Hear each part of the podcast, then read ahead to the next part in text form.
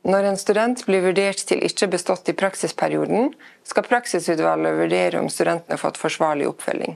Det er kapittel 8 i forskrift om studie og eksamen som angir rammene for praksisopplæringa. Studenten skal ha regelmessig rettleding og tilbakemelding, midtveisvurdering og sluttvurdering. Og studenten skal ha kopi av vurderingene. Dersom det oppstår tvil om studenten kan bestå praksisperioden, skal studenten ha et skriftlig varsel så snart som råd. Varselet skal angi hvilke krav studenten må oppfylle for å kunne bestå praksisperioden. Kontakt praksisadministrasjonen så snart du blir i tvil om studenten kan bestå.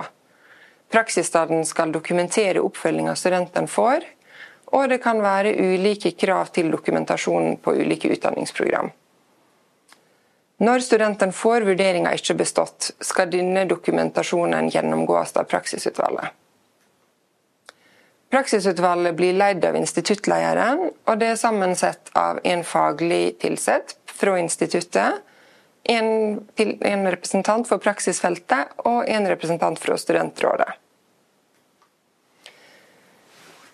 Etter å ha gjennomgått dokumentasjonen fra praksisutvalget, skal praksisutvalget stadfeste eller annullere karakteren ikke bestått.